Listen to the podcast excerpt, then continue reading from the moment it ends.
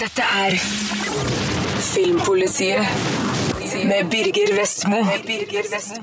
Tom Cruise duger som Jack Reacher. Leatherface duger ikke i Texas Chainsaw 3D.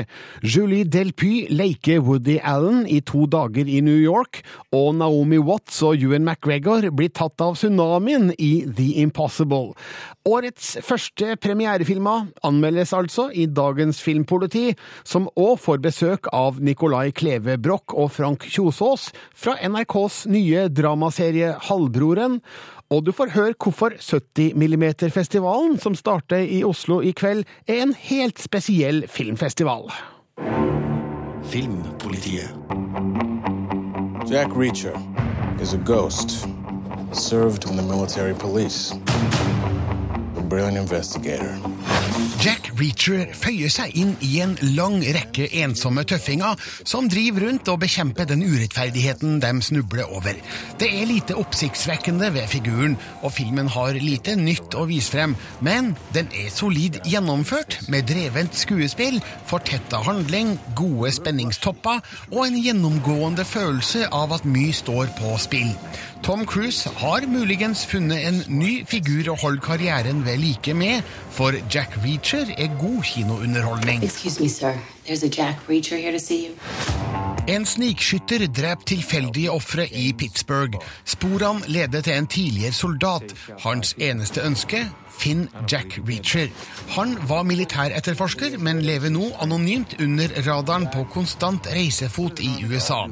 Han dukker opp, overtales av forsvarsadvokaten Helen Rodin, spilt av Rosamund Pike, til å bistå i hennes arbeid med saken, og oppdager sider ved den som fanger interessen. He doesn't care about the. Care about proof. Only cares about what's right. Fra den iskalde åpningssekvensen til den slagferdige avslutninga fortelles historien med god fremdrift av manusforfatter og regissør Christopher McQuarrie. Detaljene i historien avdekkes litt etter litt og gir oss et stadig større bilde av mysteriet. Publikum vet lenge litt mer enn Reacher, blant annet at en figur spilt av Werner Herzog er involvert, en rolle som for øvrig veksler ufrivillig mellom å være skremmende og lattervekkende, men det er like fullt ganske spennende å følge hvordan Reacher og Rodin graver seg stadig dypere ned i saken. On second thought, I'd like to kill you. Filmens action er dyktig koreografert og regissert, og jeg liker hvordan den er rotfesta i virkeligheten. Skudd smeller høyt og har umiddelbar virkning. Slagsmålene er korte og konsise. Ingen reiser seg etter en fulltreffer her. En biljakt av det gamle slaget imponerer òg. Krasjing gjør bilene ubrukelige. Og i sentrum står altså Jack Reacher. Han er en veltrent liten tøffing, men ingen overdreven muskelkjempe. Hans bakgrunn er diffus og hans motiver uklare, men han er åpenbart drevet av en sterk rettferdighetstrang og er villig til å gå langt for å oppnå den. Tom Cruise gir nok en gang 100% slik han gjør i alle filmer, og overbeviser. Det er mulig han ikke matcher bildet man har av Reacher hvis man har lest en eller flere av Lee Childs 17 romaner, men Child er med i filmen i en liten rolle og må ha gått god for Cruise. Det gjør jeg òg. Han gjør en fin innsats i en godkjent film. Jeg går ikke helt av skaftet, men er fornøyd med Jack Reacher som kapabel helt i en tøff thriller. Dette er Filmpolitiet på P3. I kveld åpner 70 mm-festivalen i Oslo. En festival som har blitt arrangert siden 2000, og nå, festivalsjef Jan Eberholst Olsen, feirer dere et slags jubileum, vel? Ja, tiende gangen vi arrangerer eh, Norges lengste og bredeste og mest eh, ja, kompromissløse filmfestival. Du, eh, velkommen til Filmpolitiet. Takk, takk. Eh, Du må faktisk gå grundig til verks her, fordi eh, 70 millimeter, eh, det er det kanskje ikke alle som vet hva er for noe. Hva, hva er det? Nei, Rett og slett er en, eh, Når Hollywood så konkurransen fra TV eh, på 50-tallet og folk ble sittende hjemme, så måtte de komme opp med noe veldig spektakulært for å få folk tilbake i kinosalen. Og 35 mm film, kinofilm eh, ble da for, eh, ansett for for dårlig eh, kvalitet. Og når man ville ha publikum tilbake i store kinosaler, bredformat, stereolyd og sånne ting, så var man oppe og dobla man filmbredden til en 70 mm bred film, altså 7 cm bred. Og resultatet for deg som, eh, som tilskuer er et knivskarpt bilde, 3D uten å bruke 3D-briller. Eh, kan si det er, det er to og en halv ganger større billedflate på, på filmen enn på 35 mm. Altså to og en halv ganger bedre bilde, eh, rett og slett. Ja, men eh, nå vises det jo ikke film på den måten lenger i kinoen. Nå er alt digitalt. Alt er, alt er digitalt, og før var det stor forskjell mellom 35 mm film og 70 mm. Forskjellen nå mellom det du kan se på alle kinoer i Norge og 70 mm er jo helt enormt. Det er som å høre på en CD-plate hjemme når du går og ser digitalkino, mens dette er en, måte en livekonsert i et konserthus, eller som å oppleve Munch på Munch-museet, eller se Skrik på Munch-museet, enn å se det på Du kan se det på iPaden din også, men det blir ikke helt det samme. Men Jan, hvis 70 millimeter er best, eh, og det mener jo du, Ja. eh, hvorfor vises ikke alt i 70 millimeter nå, da? Det er noe med penger å gjøre. da. Det er jo billig å lage digitale kopier. Og klart, nå har man jo investert i det i alle kinoer rundt omkring i verden. Så er jo ikke nødvendigvis kvaliteten eh, Hollywood eh, har vært opptatt av, men det er jo å spare penger på kopier. Men eh, hvorfor er 70 millimeter eh, best, syns du? Det er jo noe med når man skulle lage disse brede, brede store lerretene rundt omkring i hele Norge og i hele verden, så måtte man jo fylle det med noe. Så man gikk jo fra måtte, film noir-filmer fra 40-tallet som var populære små eller måtte, dramaer, til storslåtte, spektakulære filmer. Så det er type Lawrence of Arabia, Dr. Chivago, Sound of Music, den type episke store filmer der man også gjorde det til en, en, måte, en event å gå på kino. Det er ikke slå i hjel to timer. Du måtte kjøpte billett lang tid på forhånd.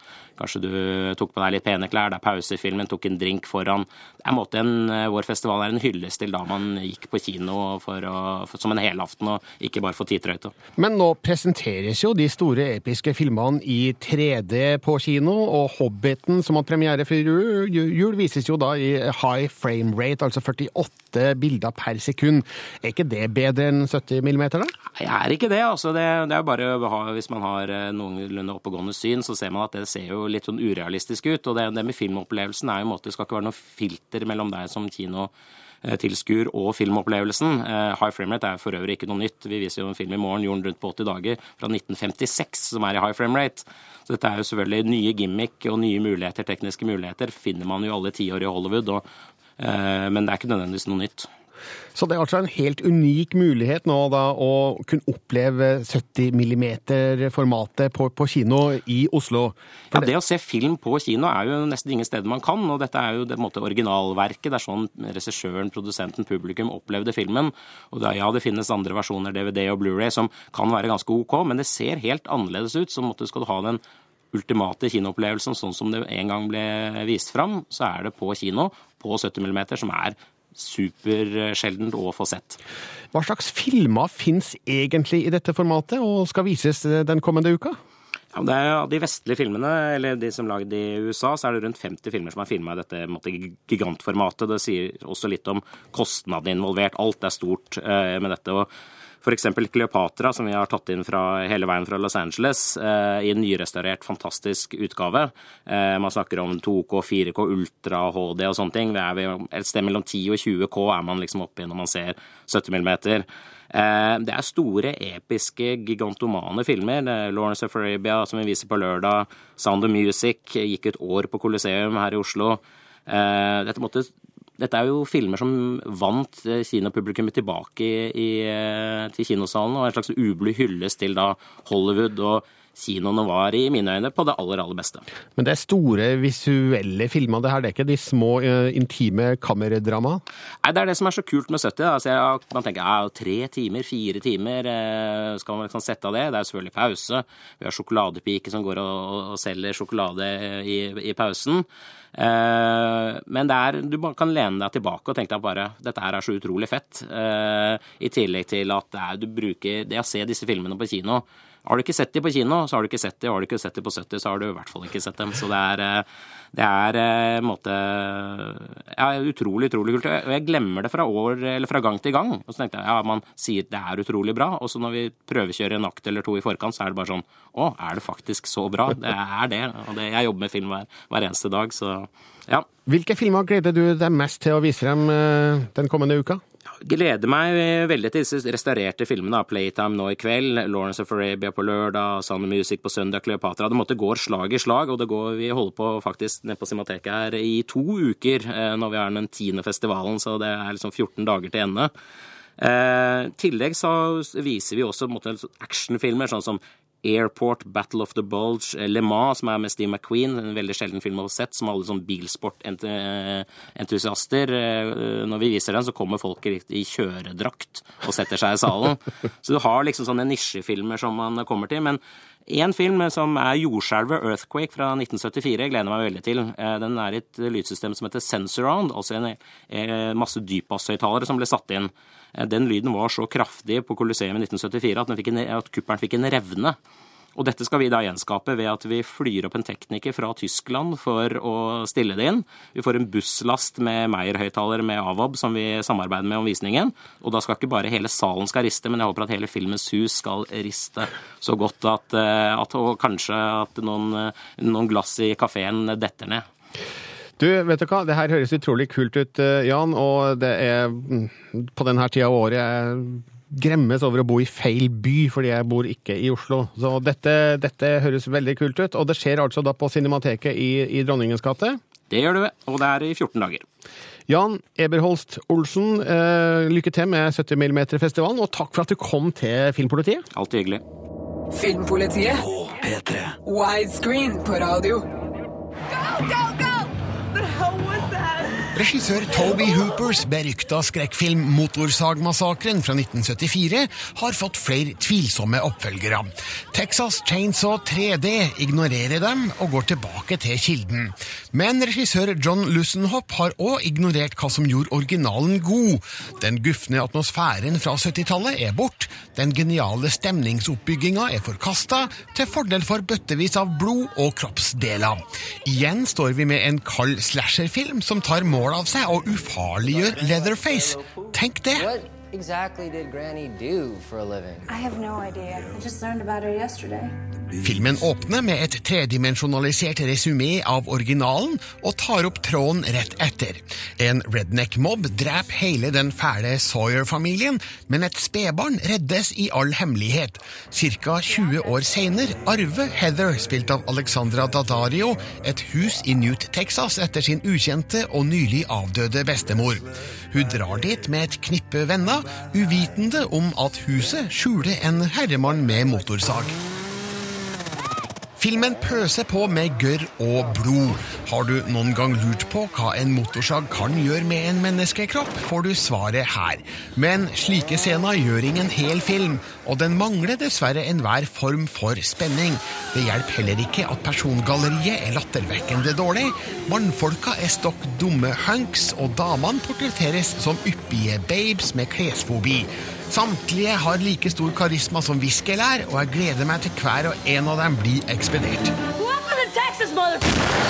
Filmen heter altså Texas Chainsaw 3D, og jeg syns 3D gjør vondt vær. Den åpner opp mørke scener som skulle vært klaustrofobiske. Og tror du regissør Lussenhopp har latt sjansen gå fra seg til å sende motorsaga ut til publikum? Nei da, vi får flere muligheter til å utforske den farlige enden av redskapet. Litt gøy den første gangen, irriterende de åtte-ni neste.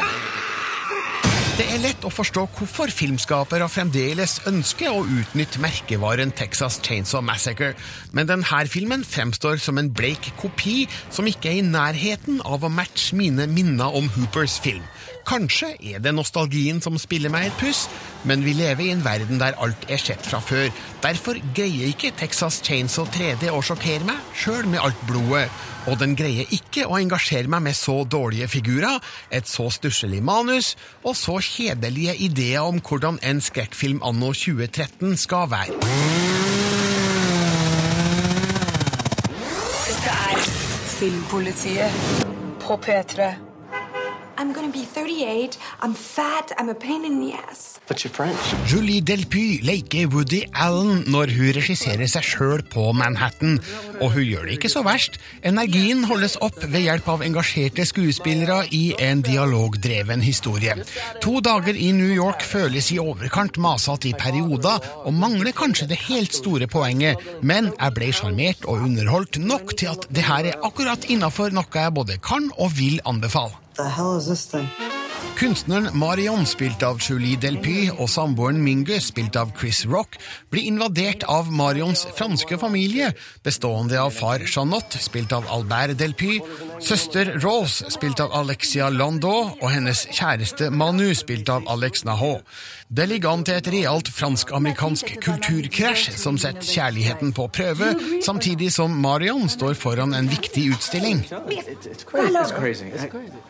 It's de chienne Franskmenn må le av måten franskmenn skildres på i denne filmen. Her er det amerikanerne som er de reserverte og tilbakeholdne, mens de franske er de høylytte og brautende turistene uten antenner for skikk og bruk i landet de besøker.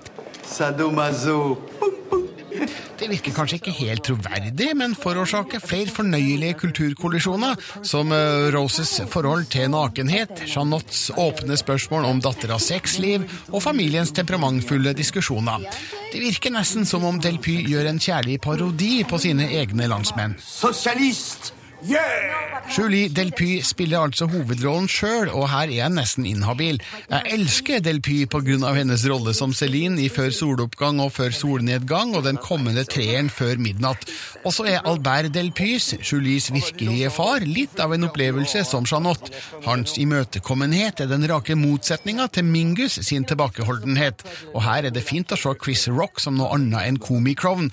Han fungerer godt som filmens mest jordnære figur. Dialogen smatrer av gårde som mitraljøsa i det som ligner regissert improvisasjon. Energien er høy, det samme er morofaktoren det meste av veien. Delpy gjør historien overtydelig mot slutten, og bruker en voiceover for å forklare hva poenget med historien er. Det hadde hun kanskje ikke behøvd å gjøre. Men to dager i New York er uansett en hyggelig og problemfri film som vil oss vel. Delpy slår et slag for familien, og hvordan den er verdifull, sjøl når det krangles så busta fyker.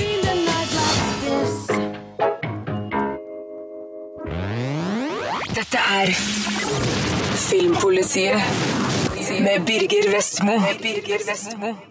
Søndag kveld starter den nye store dramaserien Halvbroren på NRK1, basert på Lars Saabye Christensens roman fra 2001. Filmpolitiet har fått besøk av de to som spiller halvbrødrene Barnum og Fred, nemlig Nicolai Klevebrok og Frank Kjosås. Velkommen! Takk for det. Takk. Du, hva gjør dere søndag kveld? Åh, hva gjør vi? Altså, vi har jo i og for seg sett det allerede, da, men uh, skal ikke se bort fra at vi kommer til å titte litt, vi òg. Altså. Vi må benke oss foran Ja, TV. Ja, jeg håper så mange som mulig setter av litt tid til å sjekke ut hva dette er på søndag kveld. Har dere noen noe ritualer og vaner, premierevaner, som må utføres eh, når det er premiere på noe? Oi, ikke på TV, kanskje av og til på teater. Da må jeg pusse tennene. Men eh, ellers på Jeg har aldri hatt premiere på TV før, så um, jeg får se. Kanskje jeg skal Du må være veldig forsiktig med hva du gjør, for det du gjør nå, det kommer du til å gjenta resten av ditt liv. Ah, shit. Pusse tenner, hva gjør det for premierenerver? Nei, da må jeg gjøre før hver forestilling på teatret, for jeg må ha god ånde. Ah, akkurat ja. I tilfelle publikum merker Nei, det er heller kollegaene mine. Eh, Men dere har sett dette før, sier dere. Hvordan, eh, hvordan funker det, Nikolai, å, å se og bedømme seg sjøl? Nei, det, det er ikke bare enkelt, egentlig. Man, eller i hvert fall jeg trenger gjerne å se det et par ganger. Første gangen så er alt bare dårlig. Da er jeg veldig misfornøyd og ligger i fosterstilling og tenker at herregud, jeg må slutte med dette her. Og så får jeg det litt på avstand, og så klarer jeg å vurdere det litt eh, mer objektivt, og så funker det som regel ganske greit, da. Men jeg er nok ganske streng med meg sjøl, tror jeg. Hvordan er det- med deg, Frank? Greier du å skal vi si, nyte det du ser, eller blir det veldig mye sjølbedømming? Ja, det blir veldig masse sjølbedømming, og man tenker hvorfor kunne jeg ikke gjort dette bedre, og alt det der.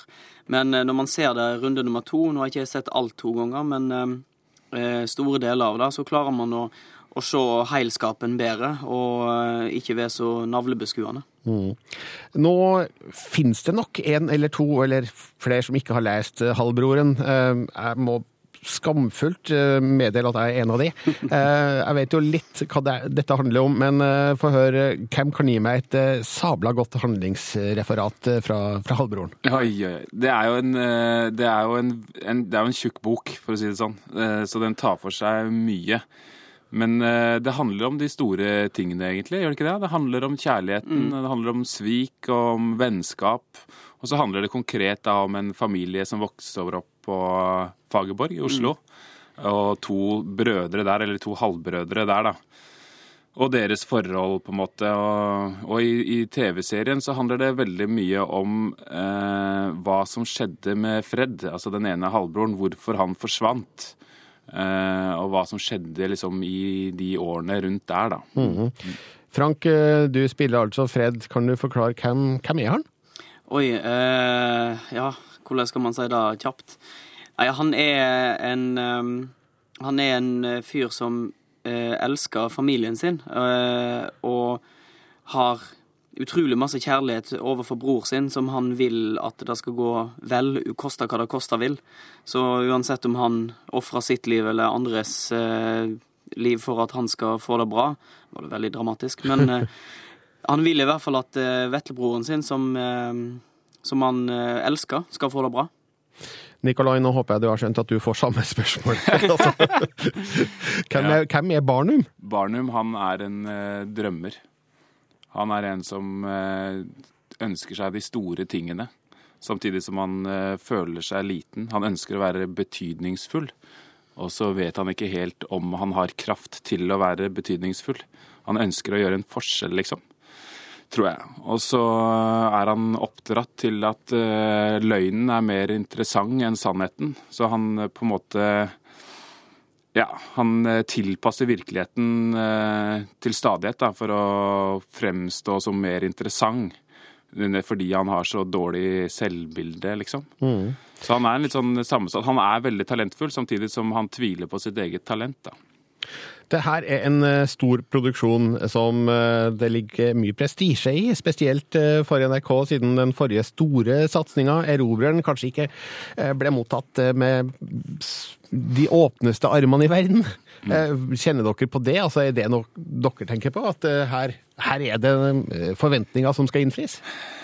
Ja, hva skal man si til det? Det er jo det er en interessant tid å lansere TV-drama i. Mm. Det er det jo fordi, på grunn av den debatten. Men jeg tenker at den Ja, hva skal man si om det, egentlig? Det er jo, det er jo en annen produsent, da. Det er jo, og det er en annen regissør, og det er en annen bok, og det er andre skuespillere, og det er en annen manusforfatter. Og, så det er måte, alt er jo forskjellig, egentlig. Så det er litt dårlig gjort også, og at eh, at eh, halvbroren på en måte skal ta ansvar for tidligere produksjoner. Da.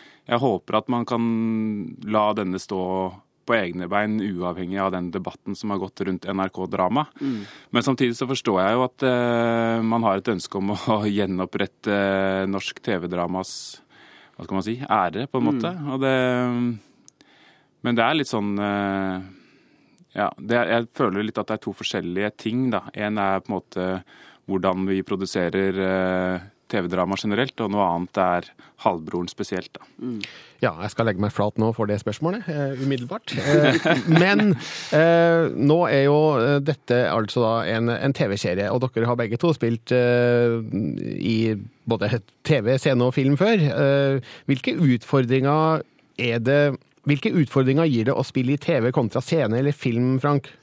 Eh, det er jo på en måte eh, to sider av samme sak. Man, eh, man har bare muligheten til å eh, zoome inn, eh, eller gå, gå tettere med kamera enn man har muligheten til på en scene. Men utgangspunktet er på en måte på en måte det samme. Det er bare en del mer venting på TV og film. Ja. Men jeg tenker, når man skal spille inn så mye over så lang tid, må det være en utrolig utfordring å ja, holde på figuren og huske hvem man var i den første scenen til den siste, Nikolai? Nei, det er egentlig motsatt. Eh, Jeg syns dette var en fantastisk fin opplevelse sånn sett, da, fordi man får tid til å bli kjent med karakteren når man har så mange opptaksdager og jobber med samme karakter over så langt strekk. Så jeg ble på en måte Jeg var veldig lei meg når det var slutt, da, for jeg ønsket å være der lenger. For det ble, det ble så behagelig å liksom bare gå inn og være barnet, men jeg kjente han så godt etter hvert. Mens i film så er det litt eh, ofte ganske kort forarbeidstid, så du må på en måte bare satse på at ok, her ligger karakteren, og så baler du med det i eh, 20-25-30 dager, og så er det over. Så du rekker liksom ikke å bli kjent med karakteren på samme måte, da, sånn når man tar de lange strekkene som TV-drama er. Frank, eh, hva slags eh, Eller jeg skal bare rephrase det. Vi har jo hørt om skuespillere som går virkelig inn i rollene sine og er figurene sine mellom tagninger osv. Frank, eh, hvor dypt går du inn i rollen, for å si det sånn? Eh, nei, jeg Jeg legger igjen rollen på Altså, jeg, når jeg er ferdig, så er jeg ferdig, på en måte. Men For jeg kan ikke Den karakteren som man ser på TV, på scenen eh, eller på film, den, den fins bare der. Den fins ikke utenom sitt eget univers. Eh, hvis han hadde gjort det, så tror jeg hadde blitt Da hadde jeg blitt veldig rar.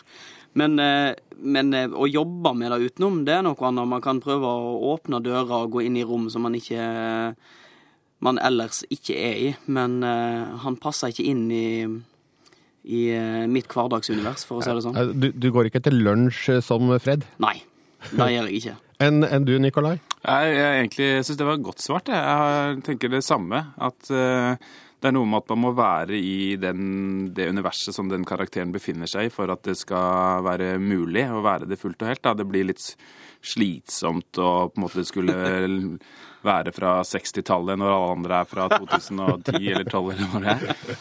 Eller 13 er vi jo nå. Men, eh, så det er, jeg også syns det er litt eh, vanskelig, altså. Men eh, jeg har også hørt at det er noen som holder på med det, men det, det er, får være opp til dem. Ja, Det funker ikke for meg, i hvert fall. Men nå, nå er det en stund siden innspilling. Eh, Er det, er det enkelt nå å se tilbake på, eh, på, på, på de dere var, de dere spilte, og, og skjønne om dette var bra eller dårlig? Mm, Jeg vet ikke. Det er Enkelt er det ikke. Det er litt sånn at, uh, i hvert fall for min del, så er det litt sånn at uh, jeg blir litt ferdig med det. Uh, ofte så, hvis jeg har hatt en filmpremiere, og så må man jo se på selve premieren.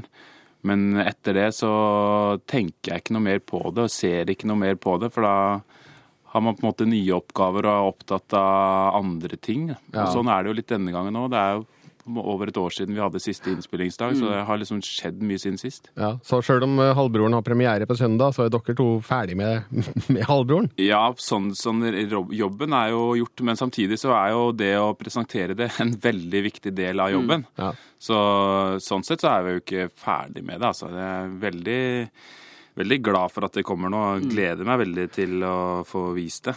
Men nå om dagen er dere begge to opptatt på, på teaterscenen. Dere skal faktisk rett ut av studio på prøver. Frank, hva er det du driver på med? Nei, jeg holder på med et uh, lite prosjekt som heter Bibelen. eh, På Det Norske Teatret, Ja. sammen med Bjørn Sundquist, som spiller Gud. Lite, det var, iron, det var ironisk ment, da. Ironi. Eh, Så jeg skal ned der og velte meg i bibelske sitat og vers. Hva handler det om? Ja, det handler om livet, døden, kjærligheten og verden. Ja, lite prosjekt. Det hørtes ja. veldig smått ut, dette. Nikolai, hva, hva skal du på? Du, jeg skal på, eh, på Riksteatret. Et stykke som heter 'Bedrag' av eh, nobelprisvinner Harold Pinter. Eh, Et fantastisk stykke. Og vi skal eh, ha premiere i februar, og så reiser vi rundt i det ganske land. Så det er bare å gjøre seg forberedt på å ta meg imot på en eller annen eh, knaus av et kulturhus. Så Ja. kommer jeg og skal spille teater. Hva er mest gøy? Teater, eh, film eller TV?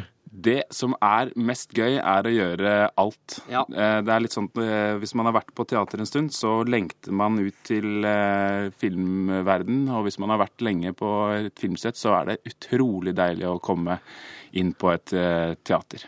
Innspill på det, Frank? Jeg er helt enig. Absolutt. Og eh, ja takk, begge deler.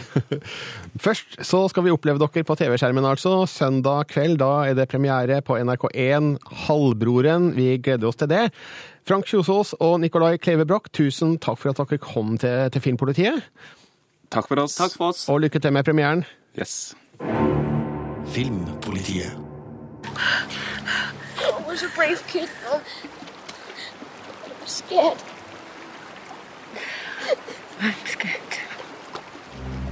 I romjula 2004 skilte en tsunami over Øst-Asia, og over 230 000 mennesker døde i bølgene og det påfølgende kaoset. Det er denne rådløsheten som regissør Juan Anito Bayona ville fange i katastrofefilmen The Impossible. Det er nesten rart at skrekkfilmer trenger å ty til overnaturlige figurer når naturen i seg sjøl kan være så skremmende. Og med ei stødig, om en litt pompøs hand, blir vi vist veien til sikkerheten.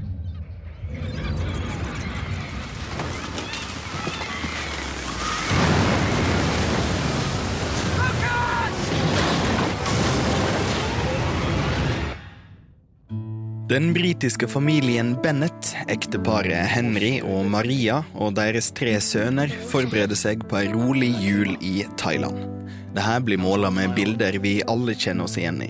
Så inntreffer katastrofer, og familien blir splitta i flere deler. Maria og eldste sønn Lucas og de andre hver for seg. Klarer de å finne tilbake til hverandre, mon tru?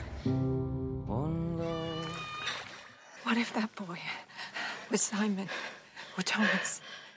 What if they needed help? You'd want someone to help them, wouldn't you? Simon and Thomas are dead! The Impossible er i utgangspunktet en spansk film, Lo Impossible. Omtrent alle bak kamera er spanske, inkludert eh, regissør Bayona, og historier som er basert på fortellinga til spanske Maria Bellon og hennes familie. I filmen har figurene blitt engelske, mest sannsynlig for å appellere til et større engelsktalende publikum. Figurene sin kamp for å finne hverandre står sentralt, men filmen glemmer heller ikke landet det her hendte i. Særlig lenger enn utzooma landskapsbilder som viser den utrolige fortapinga Thailand var i, får vi ikke. Vel, det er tross alt vår familie vi følger, og mennesker de møter langs veien, tar en mindre rolle i historien. Did, did you hear from anyone yet? No, Henry, you're the first to call. Is everybody all right? Den forrige filmen til Bayona var det Guillermo del Toro godkjente skrekkdramaet The Orphanage. Filmen var ikke nødvendigvis så skummel, men likevel god på å skape en grøssende forventning til hva som venter ved neste dønning. Stemninga og forventninga er fremdeles med i The Impossible. Av og til går det derimot litt over i det overdrivne, især med anmassende musikk. Føl, skriker den. Den måtte nesten ignoreres for å gi plass til det som gjør The Impossible bra.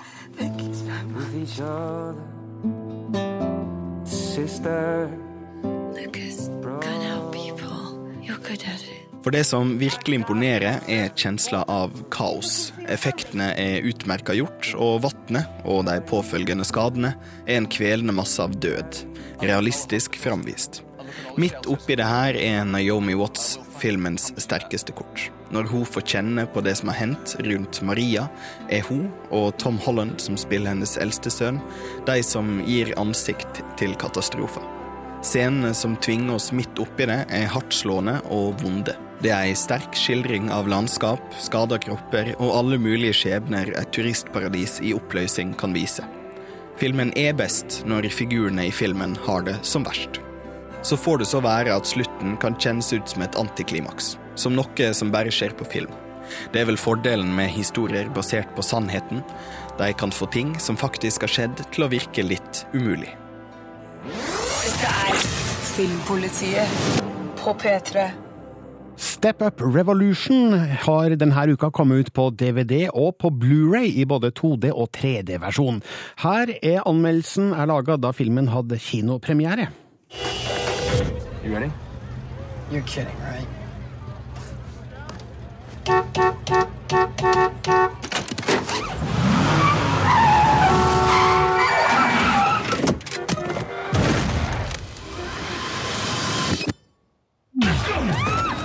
Step Up Revolution er en musikkvideo på 99 minutter. Historien er anorektisk tynn, kjærlighetsdelen av den er kjølig, og skuespillerne mangler karisma.